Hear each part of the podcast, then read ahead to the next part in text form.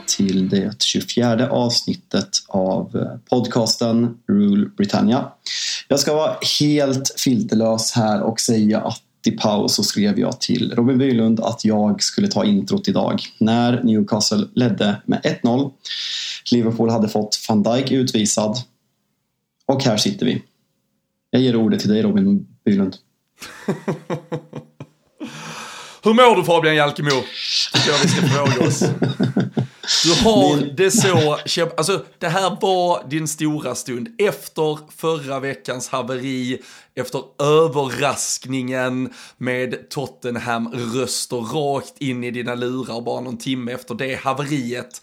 Och sen idag med malligheten, med bröstet uppumpat, med hånen mot Trent, mot van Dijk, mot Klopp, mot Liverpool, mot sekten, mot mig! Så sitter du här. Ja, det är, äh, alltså jag, jag, jag vet inte, jag, jag vet inte om jag någonsin har mått så bra som jag gör just nu. Nej, jag... Ehm, det är mörkt och jag tog på mig en väldigt, en ganska, en ganska hög hatt eh, där i paus och eh, skrev ut lite saker på Twitter. Eh, lite provokativt kanske.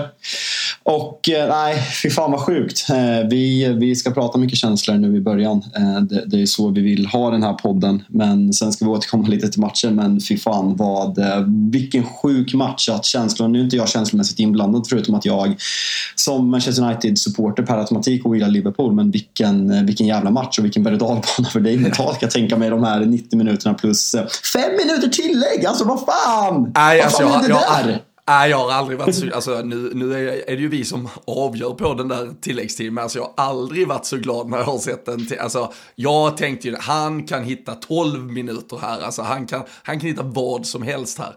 Så uh, fem minuter uh, kändes ju väldigt faktiskt. Uh, det var väl det enda John Brooks gjorde som på något sätt kan tolkas som lite gentilt till Liverpools favör, men, nej men alltså, det är, och det är någonstans, alltså du säger berg och dalbana och jag förstår ju såklart vad du eh, antyder och menar, men ska vi vara helt ärliga så var det ju kanske snarare 70-75 minuter, alltså rak jävla hiss ner i källaren, där man dessutom kanske kände att Newcastle på något sätt var så pass, ja men, bekväma och lugna i detta. Jag förstår att Newcastle-supportrar kanske kan sitta och känna en frustration över att man inte på ett annat sätt dödade matchen, men att att få 1-0-ledningen, få det röda kortet, någonstans ändå kunna spela ganska kontrollerat i vad som då i alla fall var 70-75 minuter hemma mot ett Liverpool. Det är, alltså det är ganska gött för Newcastle. Alltså vi måste fortfarande också, som jag har sagt tidigare, komma ihåg var Newcastle kommer ifrån och att de får göra det. Sen, sen är det ju, eh, alltså, alltså eh, slump och eh, ja, situationer som till slut bara uppstår där Liverpool får full utdelning. Jag kände, jag kände aldrig, det var ju en, ja, men en liten sekvens i typ mitten av andra där vi ändå får två, tre hörnor på rad, får några halvchanser. Men, men annars var det ju ett ganska slaget Liverpool ganska tidigt som jag inte kände hade mycket att komma med här. Sen Sen var det ju till slut en Jürgen Klopp som eh, lyssnade till i alla fall eh, det som eh, jag satt och skrek om i, i soffan och skickade väl ut någon tweet också. Passande nog, man brukar ju inte alltid vara så jävla spot on eh, rent eh, tidsmässigt. Fråga, fråga mig. Fråga Men eh, när man skickar ut att vad fan, vi har, vi har en stor, stark, liksom snabb, löpstark, en rivjävla anfallare vi borde kunna släcka, släppa på här som kan jag kände kanske mest att han i alla fall borde kunna springa i de här ytorna och hålla uppe lite boll så att vi kunde få med oss lite folk i anfallet. Nu istället så springer han ju igenom det där Newcastle-försvaret som också visar sig, det eh, direkt eh, Sven Bottman eh, trillar ut så var det lite oro där bak i det. Och nej, att Darwin Nunes med, ja vad fan, allt, allt det också någonstans symboliserar och revansch för honom på fan all jävla engelsk fotboll och allt som var förra säsongen. Och denna säsongen där kanske till och med ja, men även hans kritiker i, om vi tar Liverpool-led, kände att efter en jävligt fin försäsong så borde han nog stå och knacka på den där dörren till att ha platsen som spjutspets. Man känner väl att Diogo Jota absolut, nu valde man ju Cody Gakpo idag där han verkligen har underpresterat tycker jag, visserligen i en ovan position, men varit iskall de här två första matcherna så att, nej, att Darwin får komma in och göra det, det är, äh, det är så, jävla... och det, det är så mycket i det där Newcastle-lag. Jag borde såklart inte hata Newcastle, alltså det finns jättemånga anledningar till att hata Newcastle, men som en rivaliserande klubb borde jag som Liverpool-supporter inte känna det hatet till Newcastle. Men fy fan, det är något med svansföringen, det är något med den där jävla andra tränaren. Det är verkligen någonting med Anthony Gordon. Det är, det är mycket, men det är framförallt så jävla skönt just nu. Ska jag försöka strukturera upp det här lite efter du har fått Gör det, för jag vara är... glad ett tag? Så att vi alltså, tar, alltså det... ska, ska, ska, ska vi ta det lite i kronologisk ja, ordning? För det är, en, det är en jävla match ändå med många situationer som, som krävs en diskussion. Sen blir inte de här liksom, situationerna lika avgörande som man kanske trodde. Men om vi liksom börjar ja, men redan i den sjätte minuten. Eh, alltså vi kan väl vara helt överens. Jag ser att vissa diskuterar alltså så här, det, det borde inte vara en andra situation för att den första situationen är feldömd. Och nej, Trent ska såklart inte ha sin första varning för att han ska ha frispark och då, och då, då liksom händer inte den situationen. Men att Trent klarar sig från den andra varningen efter att medvetet stoppa Anthony Gordon som visserligen lägger sig enkelt men Trent borde veta att han, vad fan ska han dit med armen och göra? Hur ser du på situationen om vi, om vi, om vi skiter i första situationen som alla är överens om, om vi bara tar situation två?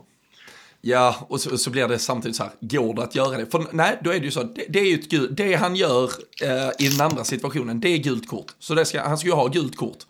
Men, och där är väl det största problemet med domarnivån i den här ligan också, de måste ju kompensera åt fel håll för att de är så dåliga initial. Alltså, han, han, han, någonstans så blir det ju, två fel blir väl i alla fall ett halvt jävla rätt här i slutändan för ingen hade kunnat tycka att det på något sätt skulle vara rätt och motiverat till att Trent skulle varit utvisad efter sex minuter.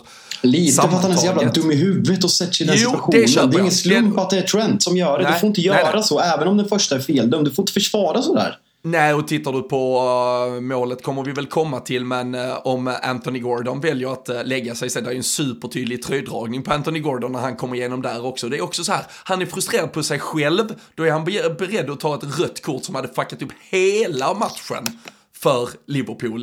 Uh, alltså nu, nu, nu, löste vi det även med ett annat rött kort istället. Men nej, det är uh, rött kort för uh, fullständig idioti, det köper jag. Men jag hade aldrig uh, liksom accepterat att John Brooks hade kommit undan med att uh, motivera att de två situationerna skulle vara ett rött kort sammantaget.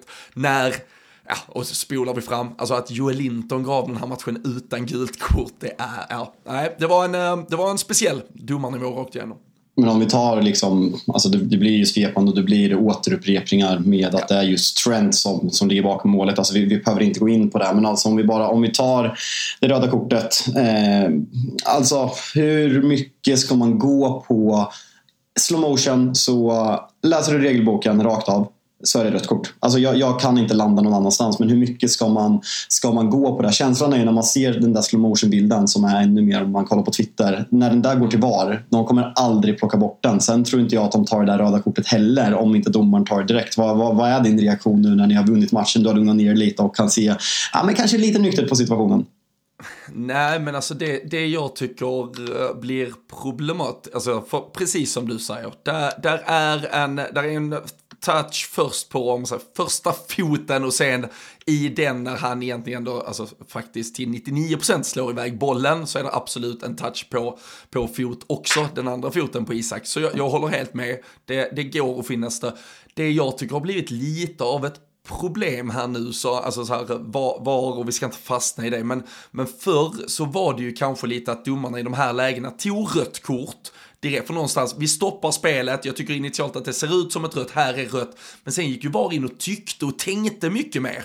På gott och ont verkligen. Men nu så stöttar ju VAR till 99% sina domare. Vi har ju till och med haft situationen som Mike Dean har varit ute och pratat om förra veckan där eh, han mot Anthony Taylor i den här kulturella eh, situationen som var det Romero och Cucurella med den här eh, ja, men hårdragningen förra säsongen där han menade på ja men vad fan jag vill inte st typ störa min polare, jag stöttar honom. Han, har, han har haft det jobbigt liksom, han har fått mycket skit senaste tiden. Det var det som var liksom i, i Mike Deans intervju och det är bara så här, håll käften istället.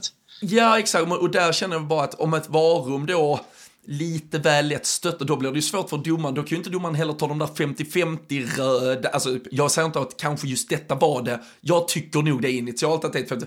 För förr då, för något år sedan, var då tog man det röda. Sen var det ändå en större sannolikhet kanske att det skulle vara en diskussion eller man skulle ut till skärmen och ta ett nytt beslut. Nu gör man ju aldrig det nästan, så det blir farligt att de tar kanske de snabba besluten. Det hade kanske varit bättre någonstans att fria då och sen om det nu var solklart att van Dijk smäller av benen på Isak, då får vi bara gå in och ta det då. Det, ja, det är väl mest det jag landar i och, eh, och sen att John Brewer, alltså det finns, eh, det finns det väl med alla domar nu, men det finns vissa, det var i slutet av förra säsongen sen han dömde oss, då har ju Tyrone Mings en situation där han sätter dobbarna i bröstet liksom stenhårt. Ja, fan alltid. Och det blir ett kul. ja, nej men alltså, men jag, ehm, jag, jag, tycker fortfarande det är asbilligt. Eh, jag, jag tycker inte kanske ändå att det ska vara rött kort.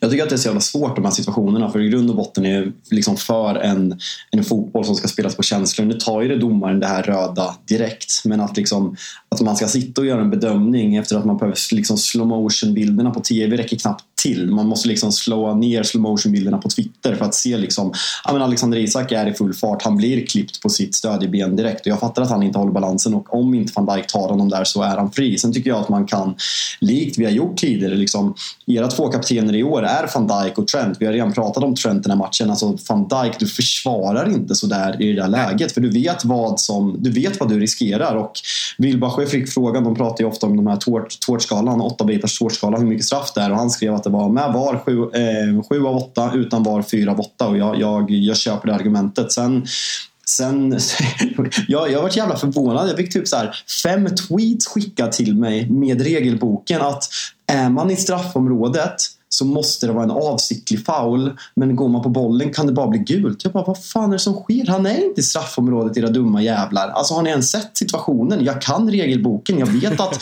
de gjorde om det här för tre år sedan. Att går man efter bollen så kan det inte bli rött kort och, och, eh, och straff i samma, den här klassiska dubbel. Eh, dubbel det måste varit en jävla Liverpool-konto som skickade ut den här. Och alla, bara, alla bara skickar vidare. Jag bara, vad fan? Ja, han, är, han är meter utanför straffområdet. Det är helt ja, olika bedömningar. Ja, jag hade ju också liksom 30 pers som skrev ja, och nu ska vi klara oss utan van Dijk i tre matcher också.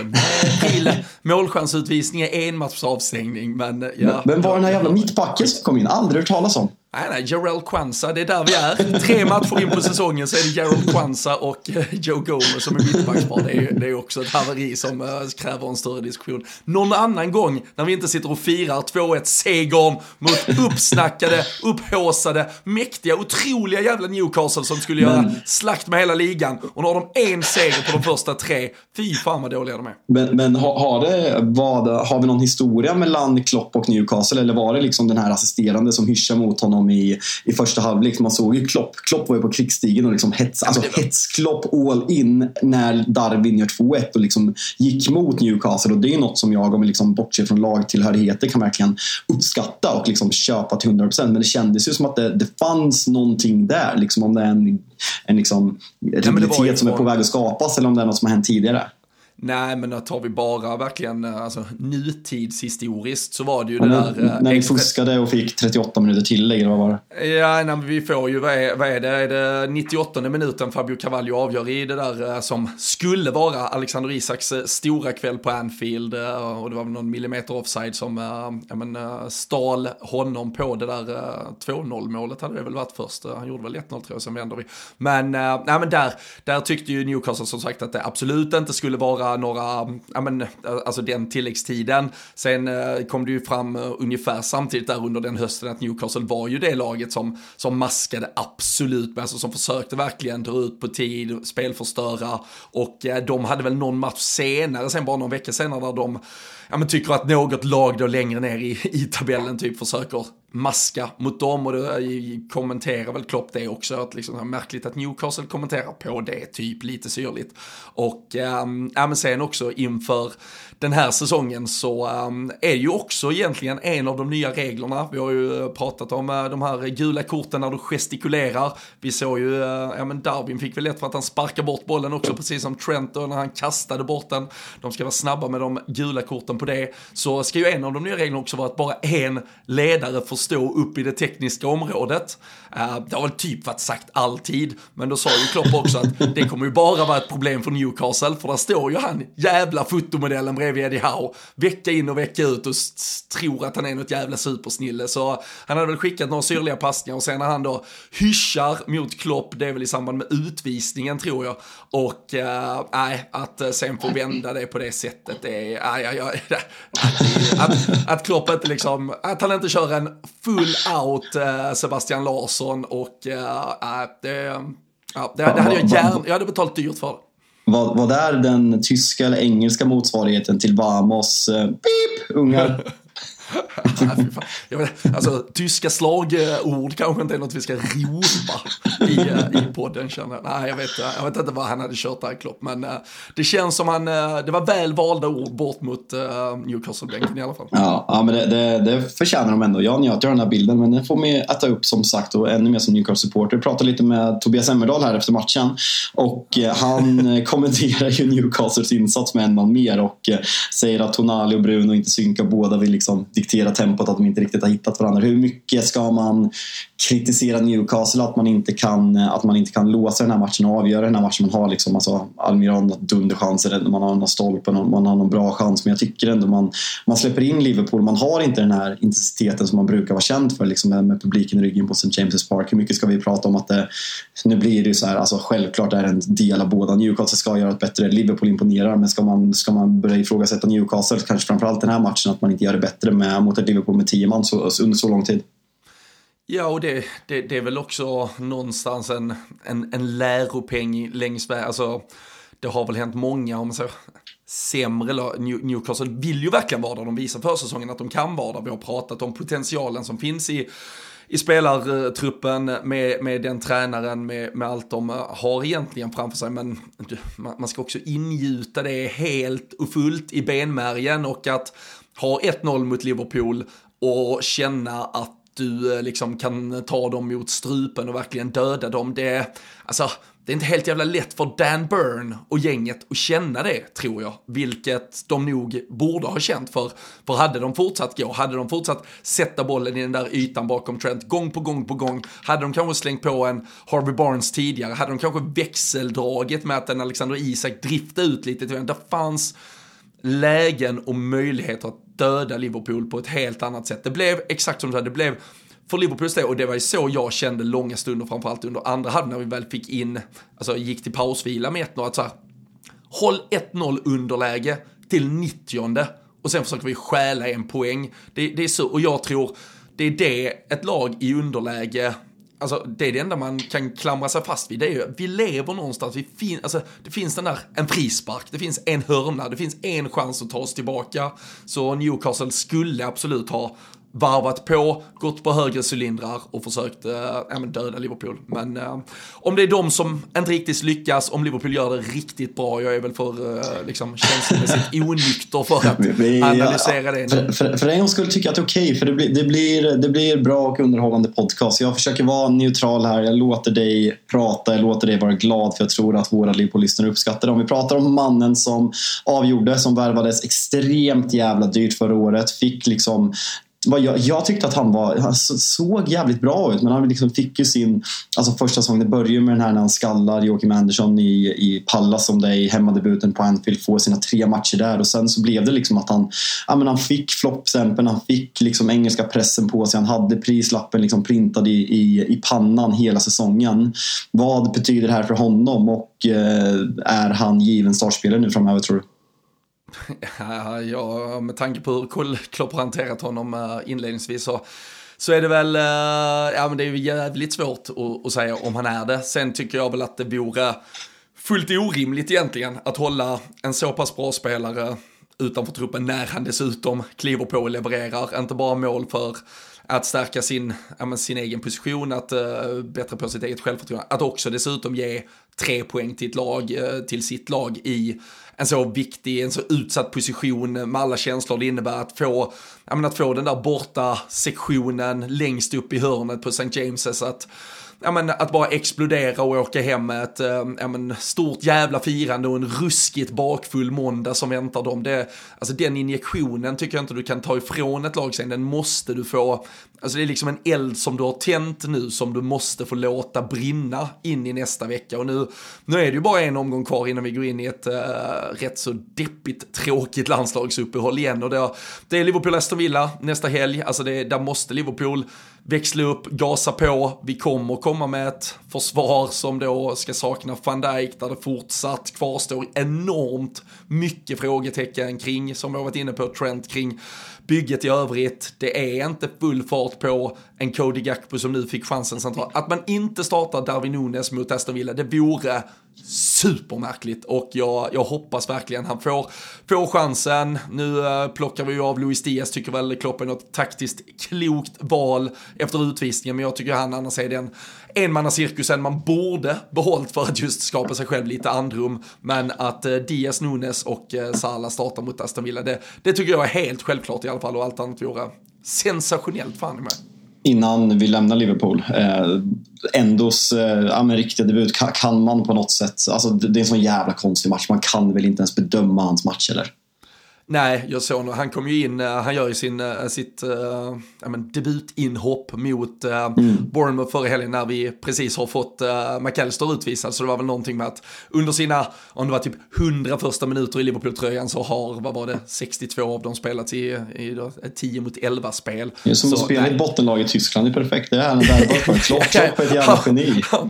Grabbar, jag har full koll på det och känner att man är en man mindre. Det har vi gjort i Stuttgart i fem år liksom.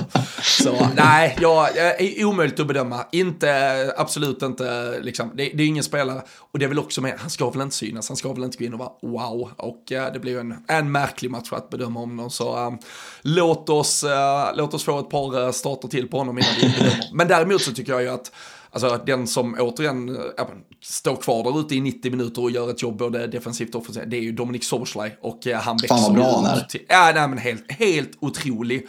Och eh, också en sån underskattad men så jävla viktig faktor i framförallt då som matchbilden blir och 10 mot 11 spel. Ja men våga hålla boll, våga vara kylig, våga liksom med enkla tillbakaspel, ta emot boll igen, vända upp, ta ett par kliv.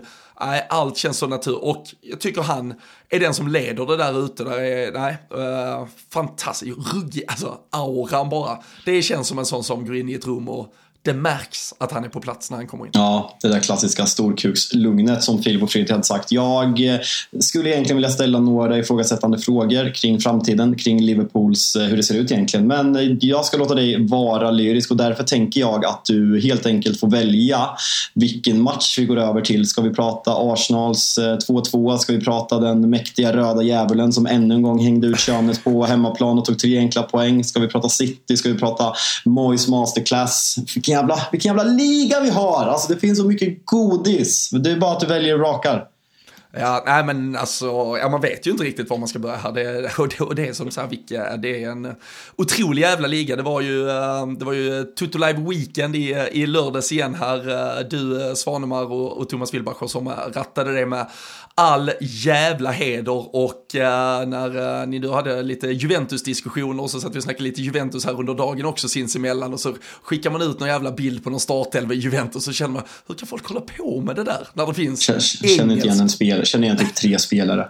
Nej, där, där, där pratar vi spelare som hade kunnat sitta på restaurangbordet bredvid en och man hade inte ens vetat att de var fotbollsspelare. Så, nej, det, nej, engelska underbara jävla Premier League är i eh, full blom och uh, vi kanske ska bara plocka ner söndagens matcher lite alltså, Inga supermatcher idag. City gör 2-1. Det är uh, Haaland, Rodri har väl visat sig vara de som ska göra det för City typ Alltså är, är jag hipster som tycker att Rodri ska vara topp tre på Ballon d'Or i år eller? Nej, det är väl uh, landslagsinvikningen med Spanien emot. Han är eller... mittback. Han är mittback. Inte hans ja. fel. Nej, kanske inte. Men uh, vad fan. Nej, det, ja, skit i Rodri. Ja, vi skiter i Rodri. Men uh, vad tyckte du om uh, Sheffields försök att stå upp och uh, sen den ja, men fullständigt bisarra avslutningen först Kyle Walker ger bort 1-1 och sen LaRusi vill vara lika snäll och ger bort 2-1 stort sett.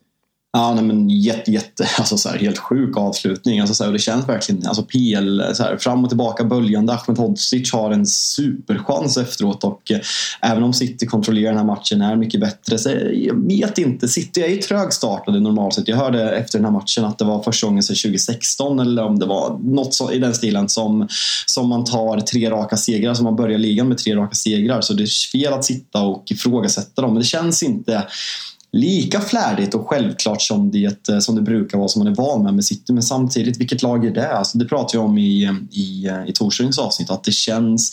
Vi har frågetecken kring alla lag. Det är väl typ Tottenham som ser mest självklara ut om man ska vara helt ärlig. Eh, de, kommer vi, de glömde jag, de ska vi såklart också prata om senast efter deras eh, ja, men jävla fina insats som gör mot Bournemouth. Men, eh, men City såklart lite frågetecken men som sagt spelare på väg in. Lär väl alltså, rekrytera två spelare som vi redan har pratat om. Haaland börjar komma igång, missar straff men liksom sätter ändå alltså målet. Alltså Grealish, förarbete, det ser, så, det ser verkligen ut som att det är ett, ett herrlag som möter ett, ett pojklag. Alltså det ser så enkelt ut och man undrar hur, hur det kan bli så tufft en sån här match.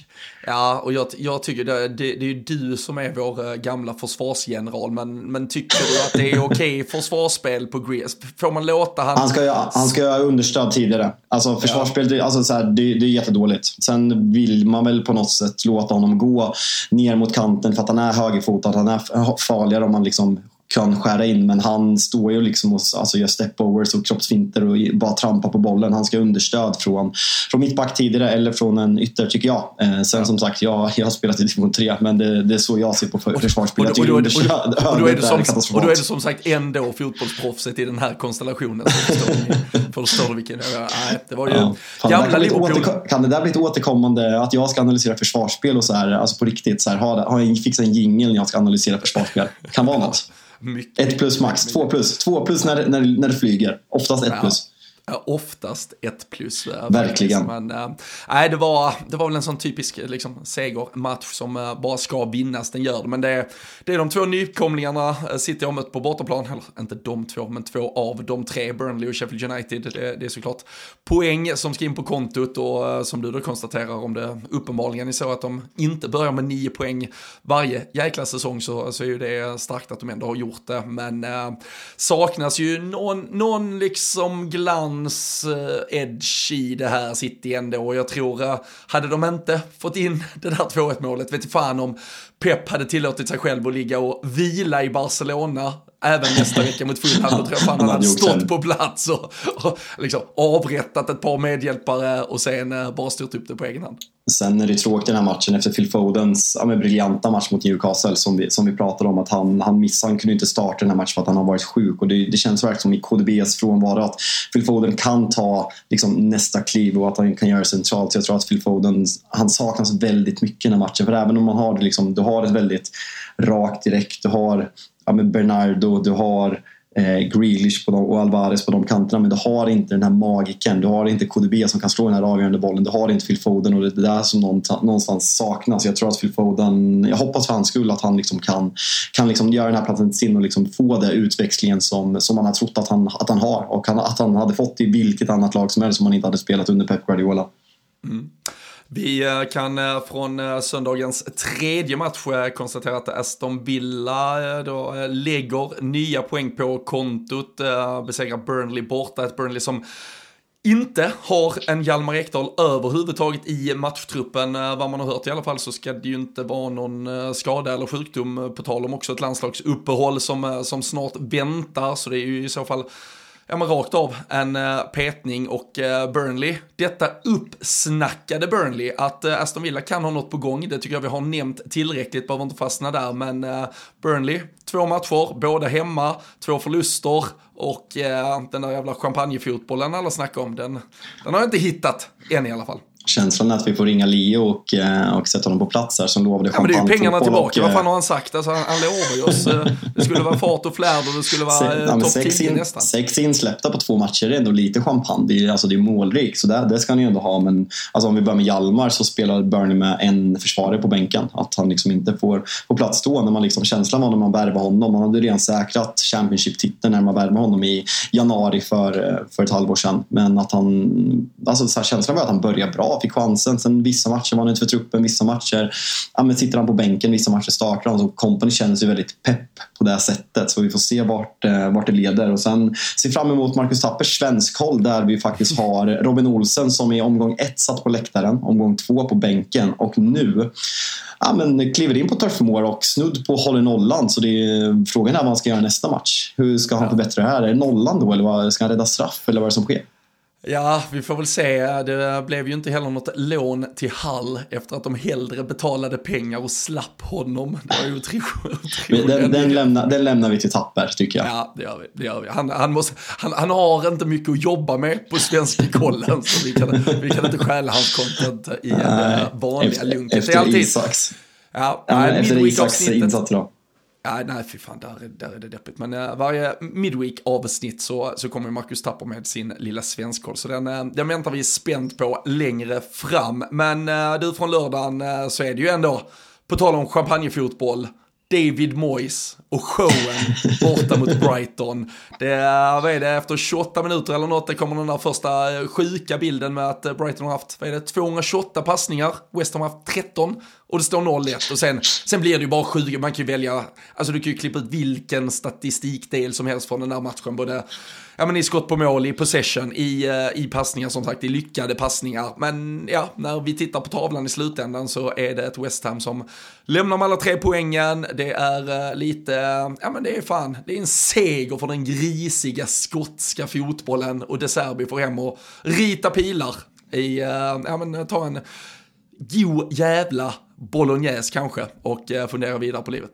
Och vill man ha recept på det kan man lyssna på Titular Weekend från, eh, Exakt. från helgen. Ja, bra cirkelslutning där. Nej, men alltså så här, sådana här matcher, det är det som är charmen på något sätt med fotboll. Det är klart att man föredrar till serbisk fotboll. Liksom så här, den är fredig, det är, det är liksom en, en, en viljestark fotboll där man vill spela offensiv fotboll. Men att ett David Moyes-lag med West Ham som folk kan prata om är i kris, som för övrigt nu när vi spelar in det här avsnittet så blev Kudos klar från Ajax 45 miljoner pund och det är på förhand en jävla supervärmning. Att man nu börjar ja, men vi pratade här att det var ett eh, ett, eh, att eh, liksom ägaren ville ha mer internationella spelare. David Moyes ville gå mer på Maguire och Scott McTominay-typerna. Nu börjar man ändå få ett gäng spelare med väldigt internationell flär. Liksom Lucas Paqueta som vi har benämnt i den här podden väldigt mycket och nu att man får in Kodo som ja, ryktades i Chelsea tidigare och även ryktas till Brighton. Så väldigt mycket liksom, alltså Chelsea större klubb, Brighton mer, ja, men kanske mer attraktiv just nu att gå till. Så det är ändå, ett, eh, det är ändå kul för West Ham och Timmy som har gästat den här podden såg jag på Twitter var väldigt, väldigt lyrisk över den här värvningen. Så det ska bli kul att se honom. Jag har hört väldigt mycket bra av honom. Sett av det jag sett i Champions League Ajax har han sett väldigt bra ut. Jag tycker att han även gjorde ett, eh, ett bra VM i Qatar. Så det ska bli jävligt kul att se honom i Premier League får jag lov att säga.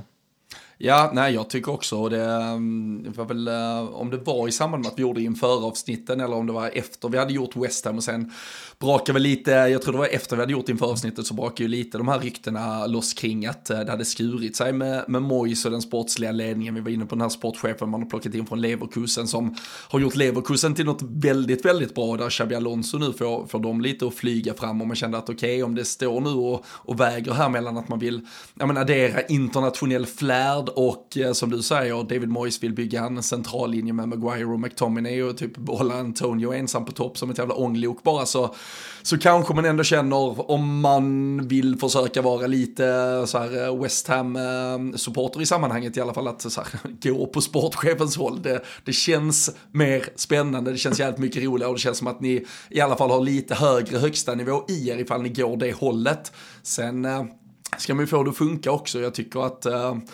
de ändå gör det jävligt bra mot Brian. Alltså jag tycker det är ett eh, kompakt jävligt bra försvarsspel. Alltså de, ska, de skapar ju ganska mycket mer chanser. Alltså ser man ja, till målchanserna alltså, så är det ju, alltså de har 18% boll men det, det är ju en matchplan alltså extremt utstuderad och de Precis. genomför den ju perfekt. Och liksom så här, man får säga vad man vill om den fotbollen. Sen kollar man på, på West Ham Bowen som hade en tuff eh, höst, avslutar våren jävligt fint, gör mål här. Antonio liksom gör, gör mål senast också. Ward Prowse har börjat väldigt bra med både assist och nu får han komma i målprotokollet också. känslan är med Brighton att de har blivit ruggigt hyllade de första två matcherna med rätta för att de är väldigt flärdiga, de skapar väldigt mycket chanser. Men det folk inte har pratat så mycket om är att de har släppt till väldigt mycket chanser. De ser väldigt ihåliga ut defensivt och är väldigt känsliga för kontringar. Så det här var väl lite, ja men man kunde se det här komma på något sätt. Jag säger inte att jag trodde att West Ham skulle vinna den här matchen med 3-1 men Brighton har hyllats lite för mycket och det är inte konstigt. Alltså man tappar Caicedo, man tappar McAllister, man har inte värvat så här. Alltså,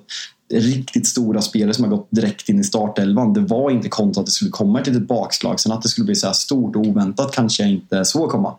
Nej, en som äh, faktiskt såg det lite komma och som flaggade upp för det, det var ju Dal äh, Daniel Olenklint äh, tillsammans med Thomas Wilbacher så gör han ju spelsur med Olen. Det är ju bra rekar, lite raka rekar, specifika matcher, men också Big Nine-kuponger som läggs ut inför lördagarnas spelstopp och det där spelsurret, snacket där man snackar upp matcherna, det får man ju samma flöde som Rule Britannia och Tutolive Weekend, så det är fan en jävla fyrstegsraket man har varje vecka. Det är två Premier League-avsnitt då i Rule Britannia och så har man Tutela Weekend och så har man spelsurret på fredagen. Allting där då tillsammans med ATG.se dessutom. Går man in på ATG.se slash tutto så får man då Daniel Jolenklints eh, smarta, skarpa jävla spelrekar. Mycket mer Tutto-svenska gänget har en hel del. Vi kommer komma med grejer där också. Så eh, det bör man kika in och eh, man ska såklart vara 18 år fyllda och skulle man ha problem problem med spel då går man till stödlinjen.se istället. Men precis som du säger tycker jag, alltså, alltså West Ham står ju helt rätt. Till slut så står ju Louis Dunk och eh, är det Adam Webster som spelar som liksom står, står och trycker med, med laget. Ja, men 20-30 meter in på offensiv plana och det alltså, ganska lätt att straffa dem där med framförallt som du är inne på med Bowen med, med riktigt bra omställningsspelare så West Ham fan uh, hemskt att erkänna, men det är en Mois masterclass, alltså rakt igenom. Så det är, det är bara att lyfta på den där höga hatten du har alltså suttit jag, med jag, på Twitter alltså hela så, veckan. Jag har sån jävla alltså så blandad känsla med Mois. Alltså, i en del av mig hatar honom. Alltså det är så här, alltså, vad han gjorde med mitt Manchester United och alltså, hans attityd efteråt, att han känner sig sviken, att han inte varit backad, att det är alla andras fel, att det inte är hans fel. Och när man möter West Ham och de ställer upp så här, då hatar man honom. Men när, när han ser dem och gör de här insatserna mot andra lag, att han, liksom, han åldras, han spelar liksom värre och värre fotboll för varje år. Jag älskar honom. En så jävla problematisk relation till den där jävdåren. Nej, jag förstår det. Men du, eh, efter uh, ungefär fyra minuter på Old Trafford i uh, lördags kände du kanske då att du skulle trycka ut tweeten, ta tillbaka David Moyes? Eller hur var känslan när stora, starka, stolta jävla Taiwo Awoniji, den mest utlånade spelaren i Liverpools historia, ungefär fick aldrig ett arbetstillstånd under tiden han var i Liverpool och sen blev det utlåningssessioner till höger och vänster och eh, ja, men nu öser han ju in. Är det tre mål på honom också? Delad skytteligaledning och eh, ja, men sen den här Willy Bolli dessutom ganska ostört. Det var inte asbra försvar på den heller du. När han knoppar in 2-0. Det var, det var inte helt muntert eh, den där inledningen på Old Trafford. Vet du vad det roliga med den, här, med den här matchen att vi ligger under med 2-0 efter fyra minuter. Jag såg den här matchen med, med ett gäng kompisar och eh, en håller på Arsenal. Han ju håna honom för 1-0 Fulham innan Nottingham gjorde mål. Så det var, det, var, det, var, det var starka minuter där. Ja men det var en bis, alltså min, min lördag när man eh, så här lite... Ja, men, då tweetade du? Då, då ja, ja. ja men alltså Spurs-matchen den var fortfarande lite så här, den fick rulla lite när livspusslet ändå skulle ihop med fotbollsmatcher, körningar, livet hit och dit och så vidare. Så sätter man sig ner klockan fyra matchen, knäpper upp första ölen, får, kollar United, så hinner vi få plinget Pereira 1-0, ser samtidigt Awoniji fri, petar in ett och jag bara, alltså det här händer ju inte. Alltså, Nej, du, så, du, du, har sett Onanas agerande på ja, ja, målet också. Alltså, vad gör han? Den är, de Gea har ju faktiskt en likadan mot Salah för typ 3-4 år sedan. Uh. När, när Salah också går in med bollen i mål. Och man känner bara, alltså Awoniji hinner ju ta två touch för mycket egentligen. Alltså, där man känner, han kommer ju fucka detta, han sabbar ju det fullständigt. Nej, nej, då sätter sig Onana ner istället på sista touchen. Det är, och det var ju faktiskt, uh, det får jag ge dig, en svag Twittervecka har du haft, men när du konstaterar att du eventuellt är bakåtsträvande för att du vill ha en målvakt som eventuellt vid några tillfällen försöker rädda en fotboll, så uh, kan jag ändå känna att du, du är något på spåren. Och uh, fan, han måste ju steppa upp lite efter de här första veckorna. Alltså jag, jag, jag tror, jag vill, jag vill tro att det kommer bli bättre långsiktigt, att United kommer bli ett mer slagkraftigt lag för att man kan liksom styra spelet bakifrån. Men jag, eh, man är ju van, alltså, du är 80-talist, jag är 90-talist, man är ju van liksom att det här med offensiva målvakter, det kom ju liksom för 5-6 år sedan kanske. Alltså, det existerade ju inte innan det. Innan det var ju de Gea klassad som ja, men en av världens tre bästa målvakter för att han är kanske världens bästa skottstoppare under, när han var som bäst i Manchester United. Att nu få en målvakt som svajar i luften, alltså, alltså den här, alltså han, han räddar inte ett friläge, det är mer agerandet. Men det känns väldigt signifikant för Onanas målvaktsstil, det här agerandet på målet. Och jag bara känner, fan jag saknar de Gea. Alltså jag vill inte säga det, men jag saknar de Gea när jag ser det där. Sen har de Gea gjort sina tavlor också. Det, det, det ska man inte glömma och jag, jag, jag saknar inte de Gea. Ni fattar vad jag menar, men det, jag känner att Onana kommer göra att jag har hål i huvudet mer än vad jag har normalt sett den här säsongen. Men, men den här matchen alltså jag vet inte var det ska landa i. så här. Det är klart att det är starkt att vända 0-2 till 3-2 oavsett vilka det är mot, hur det sker. Alltså det är ett rött kort. Mm. Alltså, det är väl rött kort, men jag fattar att det, det, finns någon slags tveksamhet. Straffen också. Alltså, det är touch. Rashford är snabb som djävulen. Kommer, får en touch, kommer i obalans. Den är billig. Alltså, det är små marginaler. Alltså. Och sen fattar jag att situationen mot Wolverhampton i första, i första matchen när de inte får den där solklara straffen eh, och sen tillsammans med det här röda kortet tillsammans med den billiga straffen. Sen är United Hansen mot Tottenham. Jag känner bara så här, jag är så jävla trött på att det ska vara fokus på domen efter varje match. Det är samma sak som... Ja, men som kan inte fastna nu. där heller. Nej, jag vet. Nej, och jag känner så här att ja, men, Ska, ska, ska prata positivt. Vi vinner ändå med 3-2. Vi skiter i det negativa med Manchester United, förutom när vi kommer till en värmning vi kanske ska göra. Men jag tycker att Eh, man ser en jävla skillnad. Rashford spelar på sin, på sin position, han gör två assist direkt och hans agerande till, till Eriksens mål är, liksom, ja, men det är världsklass. Alltså det, han är helt ostoppbar om vi pratar att eh, försvararen i Sheffield United gör dåligt försvarsspel, har dåligt understöd när Grealish står och trampar på bollen. Marcus Rashford är bland de bästa i världen när han kommer där i fart på sin vänsterkant och kan skära in och liksom slå bollen hårt till Eriksen som gör det jävligt bra.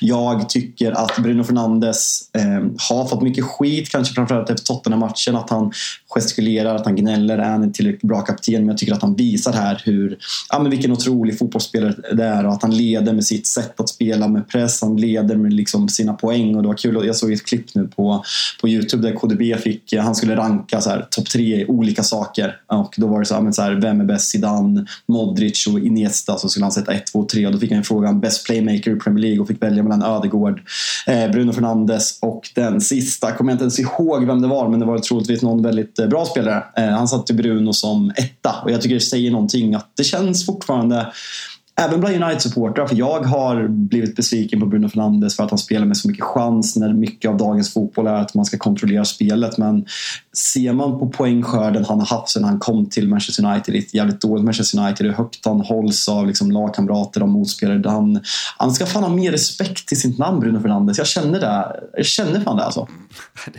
Jag vet inte om det är en kamp du ska ta låt, efter låt mig försöka. Låt mig försöka. Jag var så negativ Robin. Låt mig, ja, låt mig vara lite glad nu.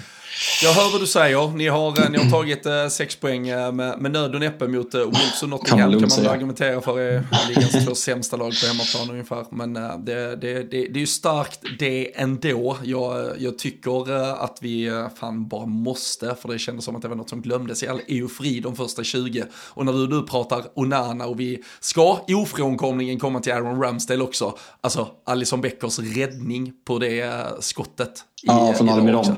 Alltså, vad ja. fan gör karln? Sätter Nej, upp han... den i ribban och skickar mm. ut den själv. Det var, fan, det var ribba här hemma i soffan också kan jag säga. Ja, men han, han känns så jävla likeable också. Alltså, det är vidrigt att han spelar i Liverpool. Alltså, jag, jag kan och, inte tycka illa om Alisson på något sätt framförallt så känner jag bara, jag känner, jag känner alltså så här som jag, jag någonstans att jag tycker så synd om att han spelar bakom de här jävla inkompetenta. ja, men jag är bara så här, varför ska du vara så duktig när inte de är, jag, förstår, jag förstår om han typ, ja men som du vet när man spelar på typ någon jävla grusplan när man var liten och man började sura över att någon var dum utan man tog sin boll och gick. Där känner jag att Allison ibland bara så här, nej vet ni vad killar, ni får klara er jag skiter i det här. Alltså att han, nej, han räddar oss ju gång på gång på gång. Man måste bara säga det gällande gällande Alisson. Alltså så här, det här slå, in en öppen dörr och den här diskussionen har varit så, så fruktansvärt länge. Eh, liksom Antonio Valencia var Manchester United kapten och körde, körde tolk på presskonferenserna i Champions League när han satt som kapten. Men liksom, alltså Liverpool värvade Darwin Nunez för 80 miljoner pund. Alltså, han, han, vad, vad tjänar han? Två mil i veckan? En och en halv, mellan, eh, vi säger två, en och en halv till två miljoner i veckan. Alltså lär dig fucking engelska. Det ingår i ditt jobb. Hur svårt är det? Jag blir så trött på dumma sydamerikaner som vägrar lära sig engelska. Tjänar alltså, man det... två miljoner i veckan, det ingår i ditt fucking jobb att lära dig språket. Det ingår kanske inte ens heller i, alltså det är väl bara för din egen skull, alltså det, ditt liv i England tänker jag blir bättre om du kan engelska. Det borde ligga ett litet egenintresse att lära sig lite engelska. Men ja. uh, du, kan, du kan ta gatpojken från Uruguay, men du kan fan inte ta Uruguay ur gatupojken. Det, det, det, är väl tyvärr så det är. Men uh, något mer om United, ni möter ju Arsenal i då avslutande rundan här till helgen inför det där landslagsuppehållet. Nu kommer ju de sannoliken med, med vacklande, eh, kanske självkänsla inför detta också då efter att de tappar det som först ser ut att vara en vändning, 2-1 dessutom då med en man mer i slutskedet, eh, som blir 2-2. Aaron Ramsdale med sin blunder initialt, vi kommer till det, men eh, hur vill du att United ska angripa matchen, tänker jag först. Ja, men innan det, alltså, cred till Manchester United. Alltså, du ser Newcastle spela med 10 man, inte lätt. Du ser Arsenal spela mot 10 man, inte lätt. Alltså, både Arsenal och Newcastle släpper in både 2 1 mål. Att United ja, men avgör den här matchen mot 10 man, starkt alltså. Ja, du, du hittade det lilla halv, halvfulla glaset också där stående mm, någonstans. Ja, alltså vissa kanske ser det som halvtomt, jag ser det som halvfullt. Sen ska vi väl säga med United att uh, rykten, först Ornstein och sen Laurie Whitwell på The Athletic. Först uh, rapporterades det om både Kucherea, Marco Alonso och Regulon. Är han i Spurs fortfarande? Det är han väl? Han var långt nere i, i frysboxen. Ja, frysboxen. Ja, han var väl på lån ja. tillbaka. Var han inte på lån tillbaka till Spanien förra säsongen kanske? Va? Ja, det kanske han var. Han kom ifrån Real. Han rycktes ju till United då när man tog, om det var, jag vet inte om det var Alex Telles som tog istället, skitsamma.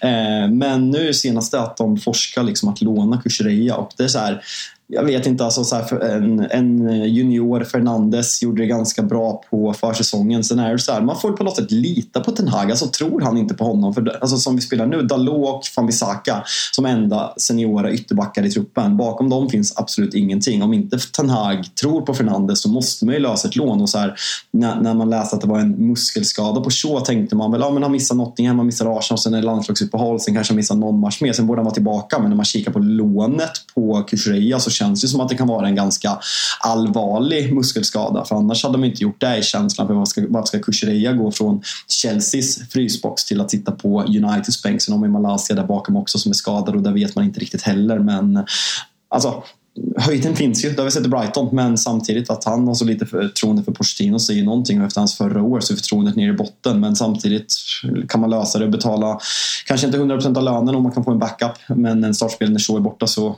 alltså, varför inte? Men det, det är en konstig situation. Mm.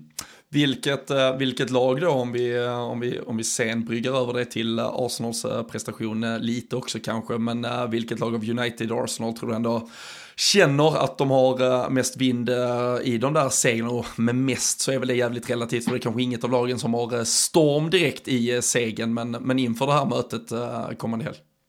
Jag tycker att Arsenal är ganska stora favoriter i den här matchen. Eh, även om vi ska komma in mer på Arsenal, hur man har sett ut och det blir väl lite upprepning vad vi har varit tidigare. Jag tycker den bekräftades den här matchen mot Fulham. Man, eh, man har mycket possession men man kommer till mindre chanser än vad man gjorde förra året. Jag tyckte att det var jävligt underhållande att se Arsenal förra året tillsammans med Liverpool. Kanske den fotbollen som attraherar mig mest som neutral tittare. Men nu känns det som att Arteta håller på att, ja, men jag vet inte, gå på myten om sig själv och vill förnya sig själv fast han hade en väldigt fungerande lag fram till William Saliba gick sönder och nu har man dessutom breddat truppen. Man är stabilare defensivt än vad Manchester United gör, eh, än vad Manchester United är. De här målen man släpper in mot Fulham är väldigt, eh, väldigt slumpmässiga så jag på hemmaplan så håller jag Arsenal som ganska stora favoriter. Men såklart kommer det bli en tuff match för Arsenal har inte imponerat och man har ju absolut inte vunnit någon match enkelt. Det är 2-1, eller den är väl ganska tydlig 2-1 i första i premiär mot Nottingham på hemmaplan. Men sen har vi Pallas, en man utvisad. En, ja, men en tung men en bra 1-0-seger och sen den här 2-2 mot Fulham där vi, ja, men där vi kände att det här kan bli 5 och 6-0 för Fulham har sett riktigt dåliga ut. Sen ska det sägas att Palinja som kanske är lagets bästa spelare eh, och viktigaste är tillbaka i den här matchen och det är även han som gör 2-2. Mm. Ja, nej, det var, um, det var väl eh, nej, ett Fulham som, som någonstans kanske också ja, man började alltså, kämpa lite för trä, men de behövde väl ändå studsa tillbaka lite efter den här inledningen och visa att de, de är ett lite bättre fotbollslag än vad vi kanske har varit eh, många med oss som har suttit och snackat om den här säsongsinledningen och man har eh, verkligen lyft eh, varningsflaggor så, så att det ändå kommer några sådana insatser ibland, det, det, det, måste man vara lite beredd på. Jag tycker det, det visar också på det här att du kan inte typ underskatta något lag i ligan och det, jag förstår att det är, man pratar klyschor men det är så i Premier League och ehm, nu får vi väl se om, eh, om då Arsenal ändå kan ja, men, spänna upp bågen lite och visa vad de går för. Eh, jag, jag tycker ju fortfarande det är, det är svårt att se vad, vad Arsenal exakt vill. den, alltså att man, ja, men att man försöker förändra små saker som kanske egentligen inte behövdes förändras. Vi, vi har redan pratat eh, Kai Havertz lite till förbannelse. Jag tyckte det var väldigt kul efter vårt senaste avsnitt när vi hade med Pierre, eh, Pierre Hertin här i veckan också. När de eh, sen på, på Twitter så fortsatte diskussionen och någon tyckte du kan ju inte bedöma Havertz på hur du ser honom live. Kolla här statsen på, från någon på Twitter istället man bara så här, alltså, man kan väl ändå bedöma en fotbollsspelare lite utifrån man, när man ser man, live. Ja, man, man, man, ser ju mer, alltså den typen ja, som Arteta vill att Havertz ska vara. Det är som... Det är ju spelare som, som ska flyta i ytor och allt möjligt. Det är jätteviktigt ja, att se dem live känns det som. Ja, men det är en sån spelare som, som Rodri. Nu återkommer fan alltid till Rodri, men när man ser Rodri live, alltså han är så jävla mycket bättre live än vad han är på TV. För man ser liksom, man ser att han läser spelet, han kliver liksom dit andra bollen är på väg och han, liksom, han läser spelet så fantastiskt bra. Och det är den rollen, inte exakt samma roll som, som Rodri, men Havertz ska ju ha Xhakas roll. Och liksom när, när någon av de här som, som hänvisade till statistik på Twitter här länkade en statistik, om man nu kan kalla det statistik, det, det är nog lite olika syn på statistik, men att om Martinelli hade gjort mål när Havertz passat så hade han haft en assist. Och om Havertz inte hade blivit ignorerad av Eddie Enketti hela tiden så hade han kommit till bra chanser. Alltså, håll lite nivå. Alltså så här, vi älskar ja. diskussioner på Twitter men att bara för att man håller på Arsenal så måste man kunna se att Arsenal inte ser lika frejdiga och bra ut som man gjorde under förra säsongen och att stor del är liksom, ja men Kai Havertz, alltså efter de tre säsongerna i Chelsea, efter de här tre matcherna i Arsenal, det är för tidigt att döma, jag vet det, plus Community Shield, men man måste ändå kunna ta diskussionen att Arsenal såg jävligt mycket bättre ut med Xhaka. Man släppte honom, jag vet att det var med hans flickvän att han kanske ville till Tyskland för att liksom ställa upp på henne men att man, att man lägger de pengarna på Kai Havertz som tvingas in i ett system som inte ens existerar för att Arteta vill... Ja, men jag vet inte vad han är ute efter. Man måste ändå kunna ha en diskussion utan att man blir provocerad och liksom kliver på Pierre som ifrågasätter, som ifrågasätter Havertz. För det tycker jag att han har all rätt att göra. Jag håller med honom till 100 procent. Ja, och jag tycker också som sagt den, den här matchen är ju, är ju heller inte något steg i någon, någon annan riktning för Harvard. Så jag tycker att, sen så här, vad är, eh, vad är hönan, vad är ägget? Men, men jag tycker ju att Martinelli har haft en sämre säsongsinledning också än vad, vad hans stora stunder under förra säsongen visade. Så det är ju hela den där ja, men offensiva vänsterkanten eller triangeln i alla fall som man ska ha potential att bygga där ute som, eh, ja, som jag tycker är lite sämre i alla fall den här eh, säsongen. Och äh, där finns ju egentligen alla möjligheter för dem att de hade kunnat initialt spela med en Declan Rice, Thomas Partey och äh, Ödegaard på mitten. Alltså, där Rice hade ersatt Xhaka istället bara rakt av. Han hade inte behövt gå bort sig i det här Gabriel-hatet som verkar blomstra för full, äh, ja, det, kan vi, det kan vi vara överens om nu att det, är, att det har skurit sig. För alltså, ja, men det var, alltså, när, till och med Kivior går in eh, nu här senast, ja. då, då är det ju, det är ju tack och hej bara. Ja, men snacket, snacket på Twitter var ju liksom först att nej, men de vill ha en vänsterfotad mittback när Sinchenko inte kan invertera från ytterbacken. Nu spelar man alltså med Kivior som, som vänsterback och Thomas Partey som högerback. Och, nej, alltså och alla, Ben White alla som, före. Ja, och det, det, är liksom tre spelare i den, här, i den här backlinjen som inte spelar på rätt position och ändå spelar inte Gabriel.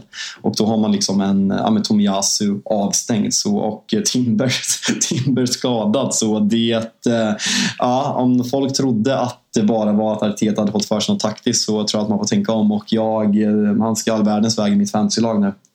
Ja, vi eh, får, uh, ja det där fantasylaget, fy fan, det, det, är, det är ett mörker. Det är en historia för sig. Nej, jag har gått ganska bra. Ja, ja, ja, grattis till dig. Men eh, du, ett lag som, som faktiskt har imponerat, vi är lite försynt så, så erkände vi det väl ändå för oss själva här också i, i början av avsnittet. Men Tottenhams ja, men, nya tre poäng denna gången nere på sydkusten mot Bournemouth, en eh, DN Kulusevski som eh, kommer in i målprotokollet, en James Madison som fortsätter att styra och ställa. Kanske om man skulle utse säsongens spelare efter tre omgångar hade fått priset. Jag vet inte vem som hade varit i konkurrens med honom, men, eh, ja, men mycket görs på rätt sätt och ja, men vi har ju hört rösterna från Tottenham-fansen. De är ju lyriska för första gången på länge. Men är det inte också det, det sexigaste Tottenham på, på, på länge om du, om du fattar vad jag menar? Alltså det känns, ja, men det känns sexigt. sexigt liksom så här, jag, jag har ifrågasatt rekryteringen av Anjo Posishoglu liksom ganska rejält för att jag känner liksom i den åldern, hade han varit så jävla bra varför har han inte kommit till Europa tidigare? Varför tog det så lång tid innan han kom till Celtic? Och varför värvades han inte till en större klubb tidigare? Det är väl de liksom frågetecknen jag har haft och de, de kvarstår och de tycker jag är fullt rimliga. Men alltså Madison, alltså han känns så självklar i det här Tottenham och det känns när man ser som sagt på sociala medier och man ser klipp på, på Youtube på, eller så på, på Twitter så, så det, det, det, känns väldigt roligt att vara Tottenham-supporter och det känns som att alla spelare har hittat verkligen rätt i det här laget. Sen kollar man på startelvan, alltså backlinjen, alltså Pedro Porro kommer in och liksom ytterbackarna kommer upp väldigt högt. Jag tycker att Udogie som kom från Udinese som vi, som vi har pratat om tidigare har menar, börjat otroligt bra och känns verkligen självklar. Både bra offensivt och väldigt starkt defensivt, framförallt fysiskt. Backlinjen med van der Ven och Cristiano Romero, det är, liksom, det är jättebra. Sen på pappret, kollar man centrala mittfältet med Bissoma och Sarr Alltså det, det sticker inte ut och där ska Bentancourt komma tillbaka från en korsbandsskada också. Så uh, det, den, den, enda frågetecknet man har kring Spurs eh, säsongsinledning är väl Richarlison. Eh, vad, vad säger du där? Jag, jag misstänker att det inte är din favoritspelare i hela världen men börjar man, börjar man jobba Nej. på att få in en, eh, en breddspelare i alla fall? Nej, jag, jag, ty jag, tycker att Tottenham, beroende på var ambitionsnivån ligger inför den här säsongen, men jag tycker med den här starten att de ändå har visat att det finns där finns vi kommer, ha ett, vi kommer ha ett jävligt mycket öppnare race än vad vi har haft på länge. Uh, om det är ett race som kanske tyvärr kommer vara bakom City, må så vara, men vi kommer ha 6, 7, 8 lag, 6, 7 lag i alla fall där bakom City som, som kommer slåss om plats 2, 3, 4 och Tottenham har i alla fall visat här eh, initialt att de behöver inte be om ursäkt för sig i den diskussionen och eh, med eh, Harry Kane borta, pengar på banken så bör man se till att lite av den där ändå eh, skattkistan får, får komma i arbete. Jag tycker man måste gå på en ja, men en spelare som är en tydligare målskytt, en, en, en rak nia, en, ja, men en spelare som kan avsluta i den där boxen. För Richarlison kan ju inte, alltså nu har det ju gått troll i det fullständigt. Det är, det, är, det är väl ett Premier League, det är väl bara det som jag med några meters marginal satt och såg på Anfield i, i våras när han tror att han kvitterar till, eller han kvitterar ju till 3-3, han tror men att han vinner poäng. Ja men exakt och sen så går Diogo Jota upp och gör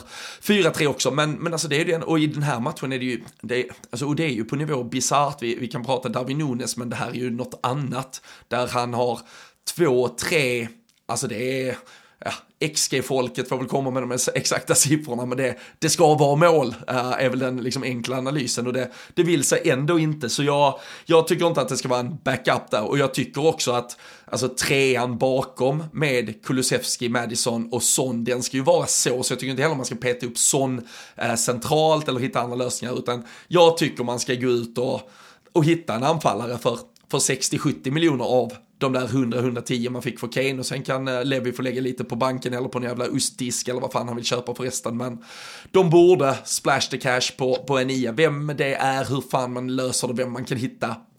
Fan vet, men jag, jag tycker att Tottenham ser exakt som du är inne på så spännande ut inför det här att de borde få, alltså ge fan fansen drömmen om en ganska fin säsong och då tror jag mm. att det i längden kommer behövas en nia.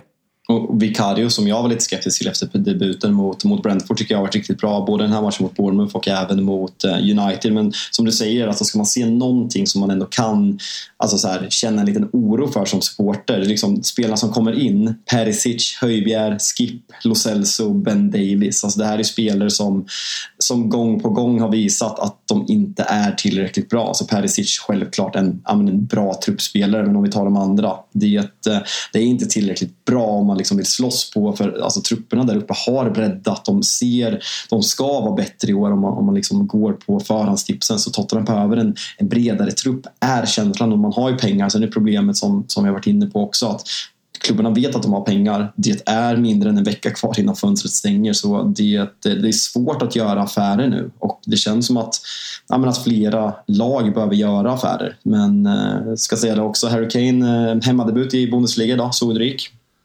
Nej, faktiskt inte. Det var, den, den krockade med en annan match. Alltså, där ja. att jag inte ja, var fullt fokuserad ja, på tysk jag, jag har inte sett jättemycket heller. Kanske noll frames, men eh, två mål Eh, har väl ja. gjort tre, tre, på, tre plus ett på två första Bundesliga-matcherna.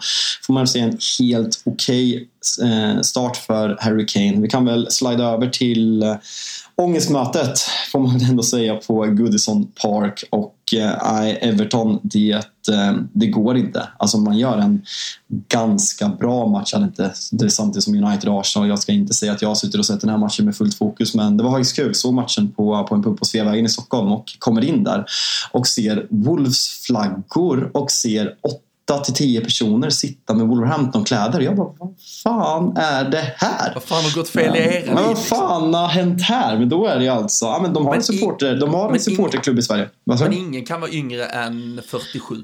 Nej, nej, ingen var yngre än 47. Det tror jag nej. inte. Eh, alltså, Wolves är ju... Ja. Det, det är ju ja, tips-lördag-lag liksom. Ja men exakt. Och de, de, de, sa ju det att de sa ju jag bara, men fan i min generation är yngre. Jag, jag vet ingen som håller på Wolves och berättar liksom om vår podd och byter nummer med ordföranden. Så uh, målsättningen är att han ska gästa oss för att surra lite Wolves. Och det är ju faktiskt så att Wolverhampton var ju ett av lagen på den första tips extra matchen. Så jag tror att det är väldigt mycket därför den här generationen som har den där. Men ja, jävla kul. Det gjorde mig, gjorde mig varm i hjärtat. Och de ser alltså varje Wolves-match med på lördagar på den där puben. Så det var och löser ja, men, utlottningar och quiz och sådana saker. Så det, det är jävligt fint att sånt existerar. Det, det visste jag faktiskt inte. Men man slår alltså Everton med, med 1-0 i den här matchen och Everton, de kan var inte göra det, mål.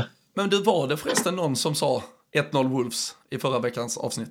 Ja, det gjorde du va? Just ja, vi har ju bettet på det också. Ja, bettet på det. 1 av 5 mm. är inne. Ja. Det är så jävla enkelt. Ja. Porta på ATG. Enkelt, enkelt, enkelt. enkelt. Nej, men det, ja. det, det, var givet. Det var, det var he, alltså, fanns inget säkrare den här helgen än att det skulle bli 1-0 Wolves.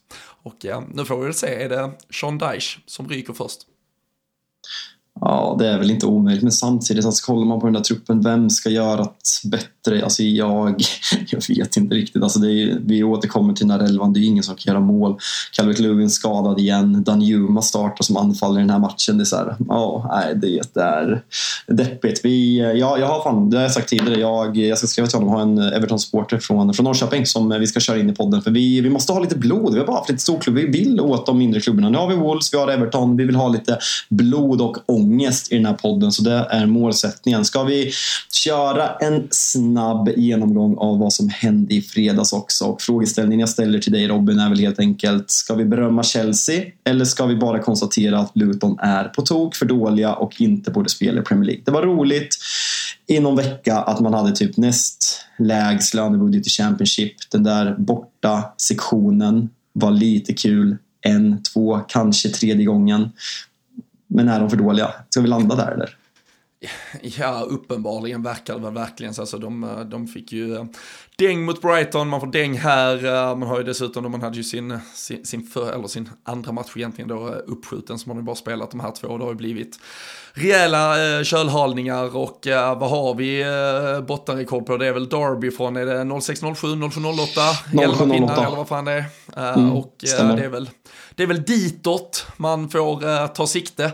Det är ehm, svårt att se exakt var eh, poängen ska inkasseras eh, för eh, Luton. Nu eh, har jag inte full koll. Vem fan måste kika bara vem de möter i nästa av uh, West Ham man. Nej, nej, det är, det är helt kört. Det, det blir... Moj slår till Luton och bollen. Ja, nej. Fy fan, ingen kommer vilja ha bollen i den matchen. Fred, ruskigt fina fredagsfighten Luton West Ham kan man mysa ja, den, ja, den är fin men, eh, alltså. Men det jag tycker, eh, på tal om spelare som har imponerat under säsongsinledningen och uh, framförallt då kanske en spelare som verkligen har fått uh, ta emot uh, sin beskärda del av en hel del hån de eh, senaste åren. Raheem Sterling, alltså någon form av revival, lite eh, upprättelse för eh, jag tycker han har varit riktigt bra i de två första matcherna. Sen har det ändå lämnats lite slutprodukt att önska om man vill kanske ha lite mer. Men nu får han dessutom äh, sätta dit sina kassar liksom och äh, Pochettino kanske ska vara mannen som äh, återupplivar honom. För äh, det får man väl ändå säga att äh, hans, äh, hans fredagkväll mot, äh, mot Luton var bland äh, helgens bästa insatser. Ja, alltså du, du nämnde Madison som kanske den bästa spelningen i de här tre första omgångarna. Jag tycker Sterling ska vara där uppe. Sen har han inte fått poängutdelningen som han har förtjänat. Jag tycker att han är ja, väldigt bra mot eh, Liverpool. Jag tycker att han är bäst på plan i matchen mot West Ham och nu får han ju även utdelning och gör 2 plus 1. Sen, ja, men mycket bra svar för Chelsea. Vi har ju gått ifrån att hylla dem mot Liverpool till att kritisera dem mot West Ham. Caicedo och Enzo Fernandez spelar för första gången tillsammans. Gusto som ersätter Reece James gör två assist från höger wingbacks-positionen och eh, Nicholas Jackson som har, som har börjat väldigt bra men är väldigt oslipad för att även göra ett mål. Så väldigt bra svar i ett extremt jävla skadebenäget Chelsea. Alltså jag fattar inte att de lyckas. Men om man, om man liksom räknar de som inte ens är med i truppen i den här matchen. Lavia, lack of fitness. Nkuku, knee injury. Brocha, jag orkar inte läsa allt på engelska. Brocha är på väg tillbaka från en allvarlig knäskada. Eh, Badia Chile skadad. Chukwemeka. Otroligt. Klockan är mycket Robin, det är söndag och klockan är 21. Sar, Bettinelli, Mudryk, Reece James, Chaloba, Fofana. Det är en jävla skadelista på spelare som inte ens är i truppen och ändå så...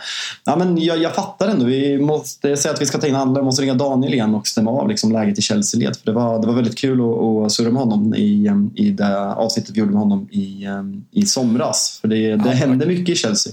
Ja, det gör det och eh, det lär väl hända mycket i många av lagen. Nu har vi bara ett eh, par, eh, vad är det, fyra dagar kvar på transferfönstret. Så vi får väl se, vi kommer ju tillbaka såklart med ett midweek-avsnitt, lite kanske beroende på hur eventuella bomber briserar på transfermarknaden här sista dagarna så ser vi exakt när det kommer ut. Men ni ska ju såklart prenumerera på Tutolive Weekend-kanalen. Det är, det är där ni får dels då två Rule Britannia i veckan och sen får ni ju det lite andra, eh, smått och gott eh, med eh, då spelzoom i Olen på fredagar. Ni får hela Tutolive, eh, det är YouTube-program som vi spelar in lördag morgon 11-13, Ni kan kolla det live, såklart vara med i livechatten.